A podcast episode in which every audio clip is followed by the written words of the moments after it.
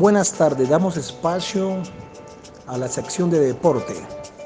Eh, la noticia de hoy es el nombramiento del nuevo técnico de la selección Colombia, nada más y nada menos que un portugués llamado Carlos Queiroz.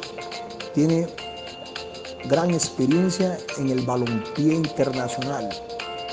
Ha dirigido varias selecciones mayores y los ha colocado en gran nivel en el grupo del Mundial.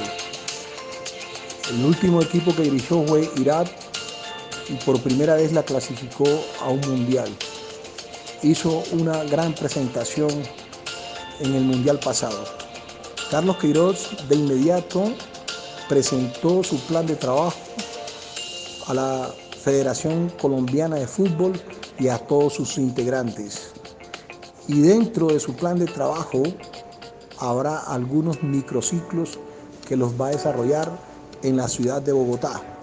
Por cierto, va a estar viviendo en la ciudad de Bogotá, cosa que difiere del técnico anterior, que vivía en Argentina. De ahí ya hay una gran paradoja en el técnico anterior y el nuevo estratega del fútbol colombiano.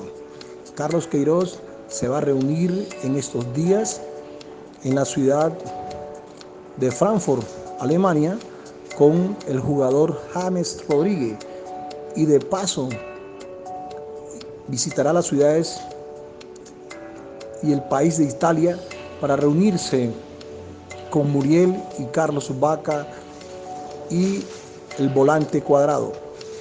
No podría faltar más que viaja a Argentina a reunirse con el mejor jugador de la actualidad del fútbol colombiano, que se llama Quintero, conocido en el fútbol y en el balompié argentina como Quinterito.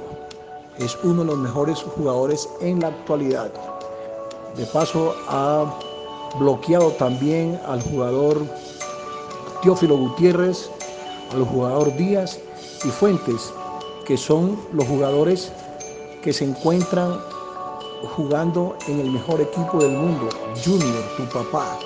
Los dejo con esa gran noticia de Carlos Queiroz, nuevo técnico de la Selección Colombia. Les habló José Jiménez. Feliz tarde.